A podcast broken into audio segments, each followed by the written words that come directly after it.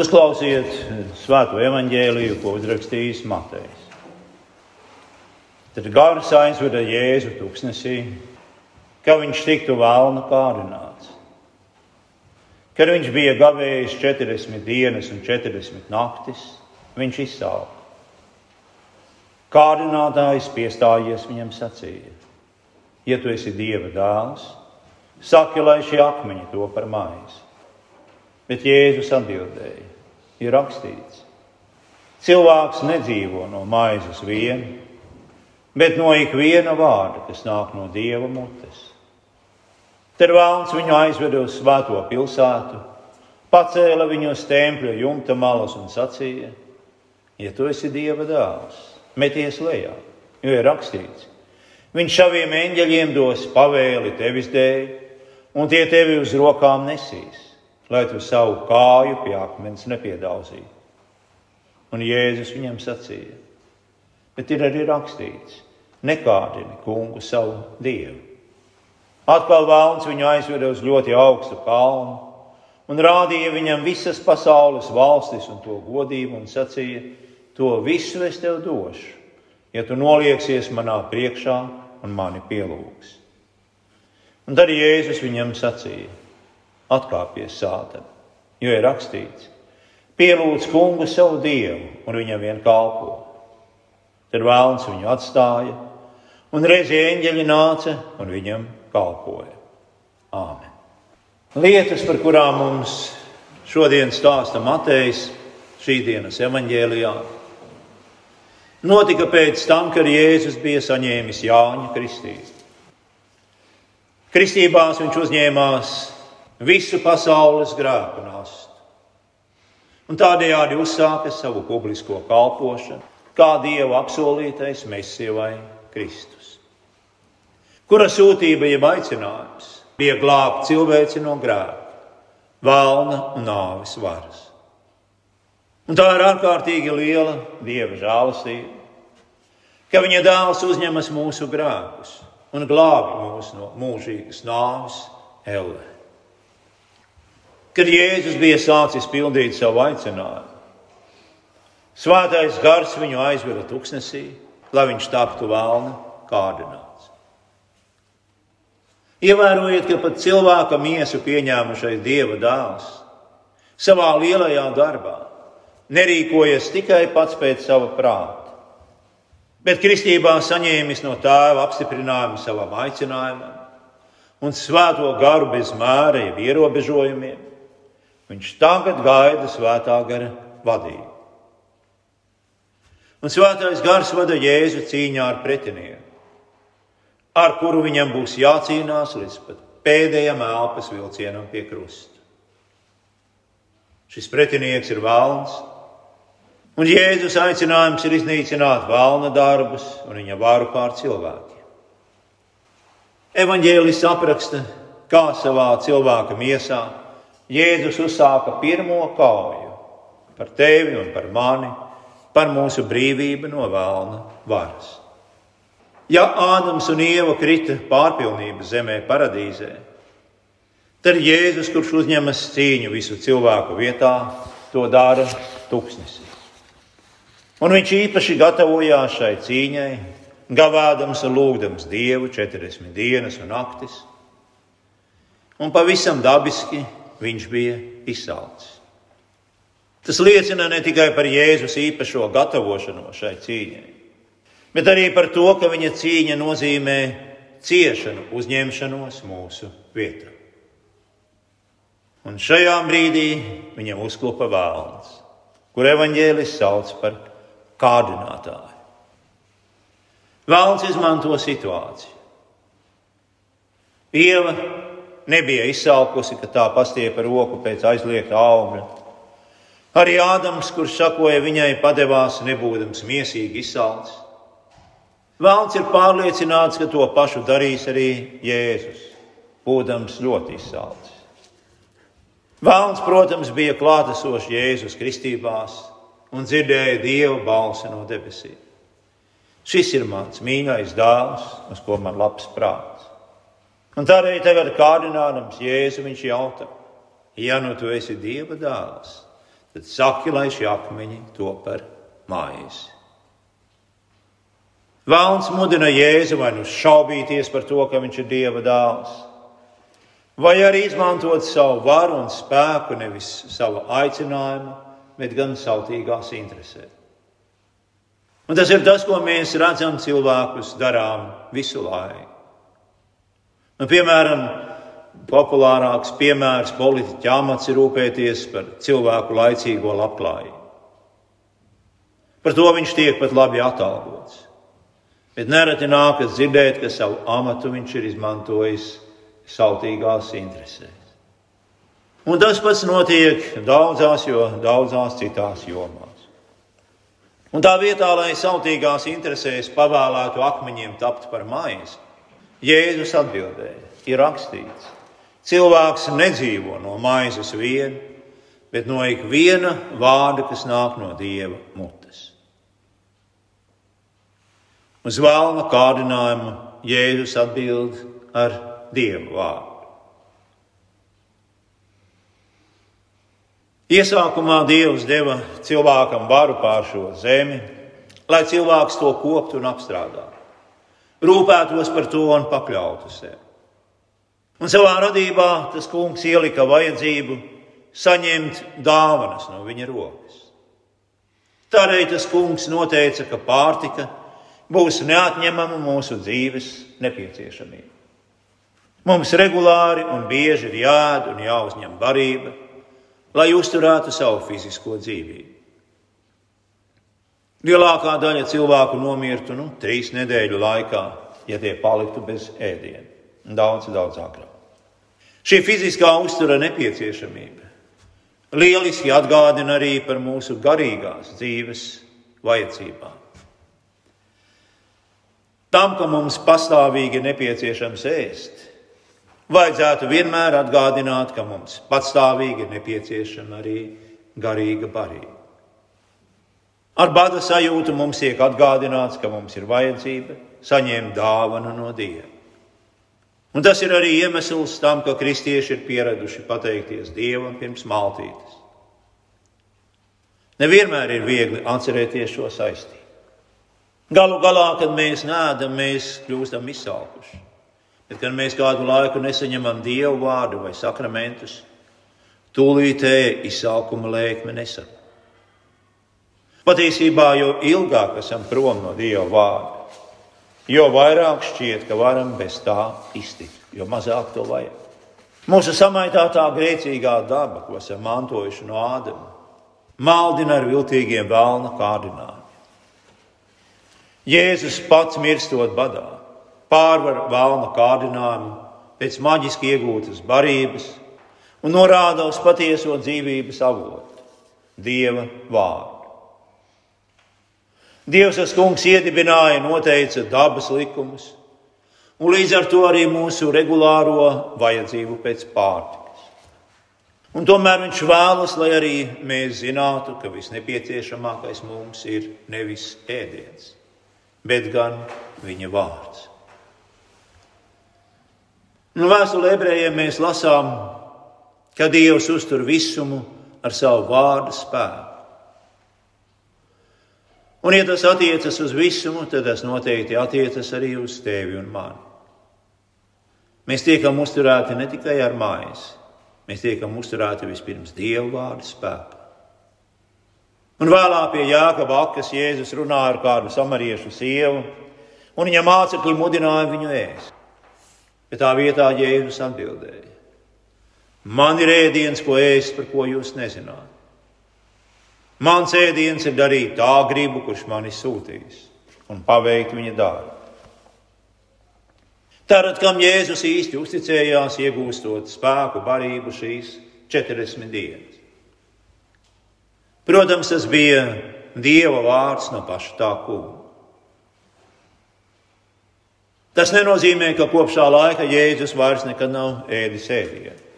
Kad kārdinājumi bija beigušies, eņģeļi viņam kalpoja, un bez šaubām tie atnesa viņam arī ēdienu. Bet to, ko viņa debesu tēvs nebija viņam sagādājis 40 dienas, par to Jēzus skaidri zināja, ka viņam tas to brīdi nav vajadzīgs. Un to jāmācās arī mums. Ja Dievs mums kaut ko nav devis, tas mums nav vajadzīgs. Lai cik nepieciešams tas mums pašiem šķistu. Protams, arī mums ir atziņa, ka ne visi ēdieni mums ir piemēroti. Nu, piemēram, mēs vēlamies būt uzmanīgi attiecībā uz to, kādas sēnes un ogas mēs ēdam. Un tāpēc, lai gan ēdiens parasti tiek ēsts, lai gūtu veselību un fizisku spēku, daži pārtikas produkti var izraisīt slimības un pat nāvi. Un tieši tā tas ir arī garīgās lietās. Proti, ne visi garīgie vārdi nāk mums par labu.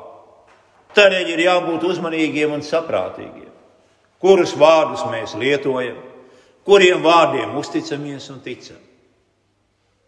Vai tie ir dzīvības vārdi, kas nāk no tā kunga, vai tie ir vārdi, kas nāk no cita gara?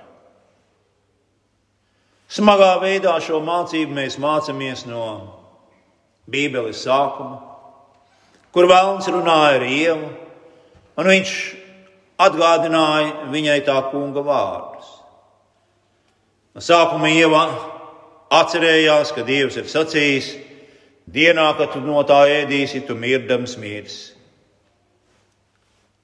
Ir pārsteidzoši, ka šie vārdi nebija nāvējoši.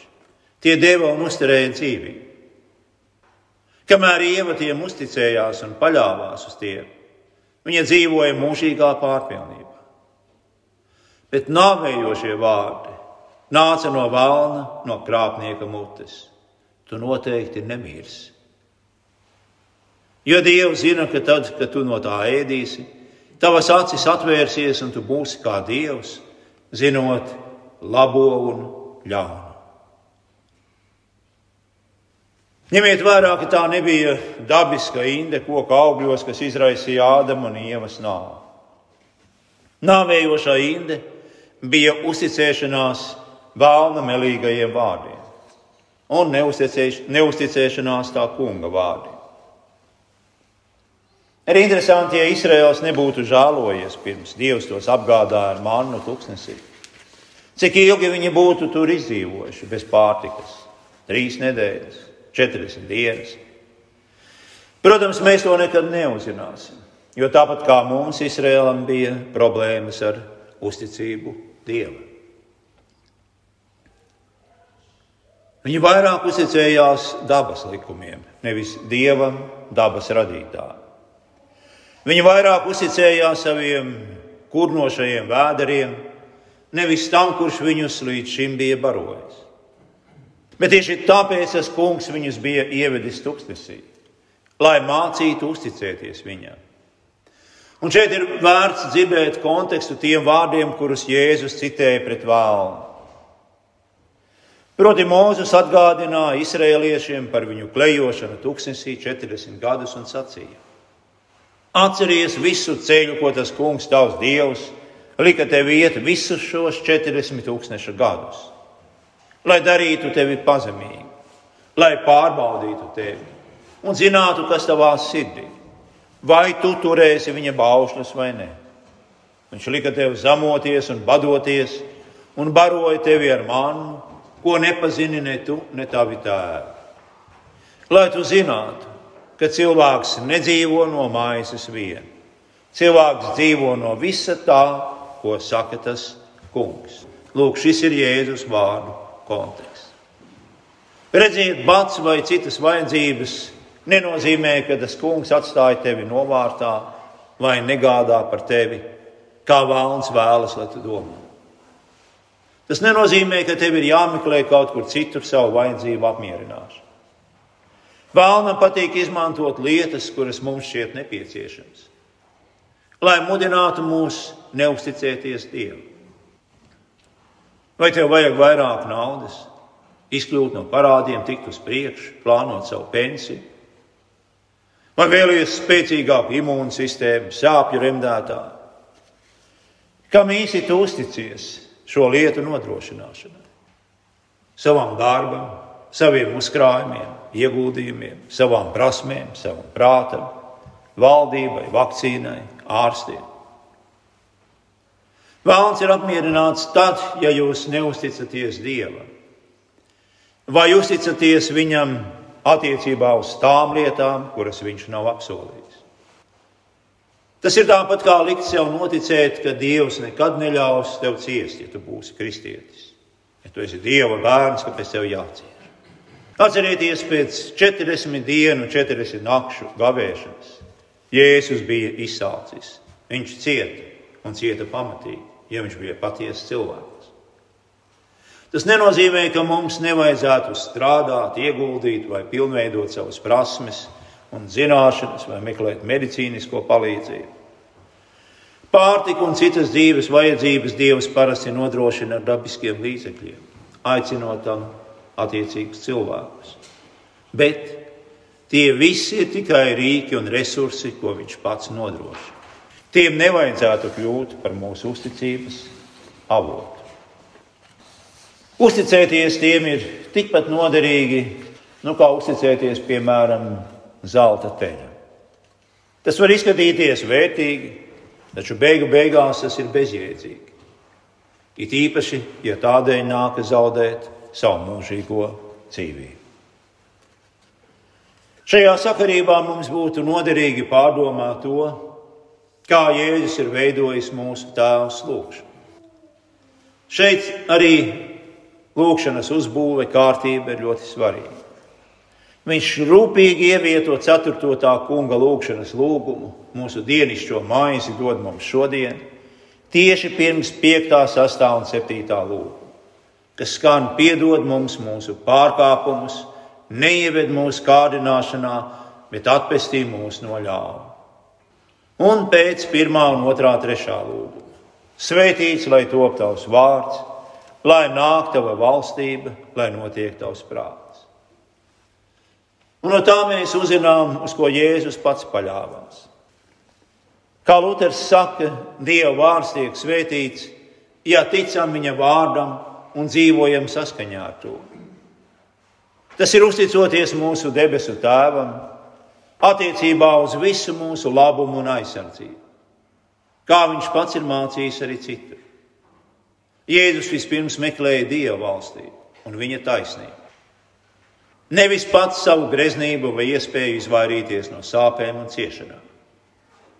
Patiesībā viņš labi zināja, ka, lai Dieva valstība varētu nākt pie mums, viņam būs jācieš. Jāizcieš neskaitāmi kārinājumi, pārbaudījumi un sāpes. Ko mēs darām no Ādama mantotās samaitātības, kā arī pašu paveikto grēku dēļ. To visu Jēzum bija jāizcieš. Un viņš zināja, ka viņam būs jācieš par to, ko mums vajadzēja darīt, bet mēs neizdarījām, par to, ko mums nevajadzēja darīt, bet mēs darījām par mūsu neusticību un paļāvības trūkumu uz debesu tēvu. Jēzus ne tikai cieta, bet pats arī nobaudīja rūktos mūžīgas nāves augus, kā algu par manu un tavu grēku. Vai jūs atceraties, kā viņš lūdz ģedzemenes dārzā? Viņš lūdz, lai viņam nebūtu jātukšo dievu dusmu biķeris. Viņa cilvēciskā grība būtu apmierināta ja tai nenāktos ciest un mirt. Un tomēr viņš pilnīgi pakļāvās sava tēva gribai, lai mēs tiktu izpirkti, lai mūsu grēki tiktu izpirkti. Un tikai pēc tam, kad Jēzus bija vispirms meklējis Dieva valstību un taisnību, pēc tam viņš nāk Dieva priekšā ar visām šīm lietām, ar lūgumu pēc savas dienasčās maizes un citu dzīves vajadzību apmierināšanu. Un pat šajā gadījumā viņš pazīst vēlnu un pasaules briesmas un vilinājumus, un mūsu miesas neticamo vāju. Un tāpēc viņš māca mums lūgt atdošanu par mūsu neusticību un paļāvības trūkumu, par mūsu neapmierinātību un izvairīšanos no sāpēm vai nērtībām, gandrīz vienmēr, un gandrīz vienmēr par katru cenu. Un šodien viņš atkal mums dod savu spēcīgo, stiprinošo vārdu. Viņš dod to, lai mēs to dzirdētu, ticētu un uzticētos. Ko viņš mums dod? Viņš mums saka, es tev piedodu visus tavus grēkus. Un tad viņš liek uz tevi Dieva svēto vārdu, Tēva, Dēla un Svētā gara vārdā. Un šis ir īstais brīnums, ka nomazgājot mūs no grēkiem, svētajā kristības atzimšanā, atzimšanas mazgāšanā, dāvājot mums tīru sirdsapziņu, ietērpjot mūs savā taisnībā. Viņš pēc tam stiprina mūsu vājo miesu ar citu ēdienu, ar dzīvības maizi, pats ar sevi. Viņš dod mums jaunu mannu, tādu maizi, ko mūsu vecās derības tēvi nepazina. Viņš liek mums klausīties un ticēt Dieva vārdam un apsolījumiem, piesaistot tos īstai maizei un īstam vīnam. Tāpat kā reiz paradīzes dārzā piesaistīja tos īstam dārza auglim. Un kad mēs jautājam, manna, kas tulkojumā nozīmē, kas tas ir, man hu, kas tas ir, kas ir šī maize, ko mēs nezinājām. Viņš atbild, tā ir mana miesa, tās ir manas asinis, par jums dotas un izlietas jūsu grēku piedošanu. Tikpat droši kā laba un ļauna atzīšanas koka auglis nesa nāvi, tā šis sēdiens dod dzīvību tiem, kas tic. Pirms tam viņš mums pavēlēja nēst no augļiem, kas nes nāvi. Tagad viņš pavēl un aicina ņemt ēd, dzeriet visi no tā un dariet to. Tas ir jaunā un dzīvības koka auglis, kuru ēdot cilvēki dzīvos mūžīgi. Nelaimēja tā, ka toreiz cilvēki nepaklausīja aizliegumam un ēda, un nelaimē arī tā, ka cilvēki nepaklausa ja pavēlē un apsolījumē un nēd. Ēda nāvis augļu, nēd dzīvības, maizi un nedzer dzīvības asinis. Savukārt visas šīs mūsu dienasčās maizes lietas mums tiks piemestas kā brīnums. Mūsu debesu Tēvs zina, ka mums tas ir vajadzīgs. Un tāpēc atbildot, mēs varam sacīt mūsu pateicības lūgšanu. Mēs pateicamies Tev, Kungs, par mūsu ēdienu, dzīvībai un veselībai un visam labai. Un lai Tava manna tiek dota mūsu dvēselē, dzīvības maize, kas sūtīta no debesīm, arī to mēs ar pateicību saņemam. Āmen!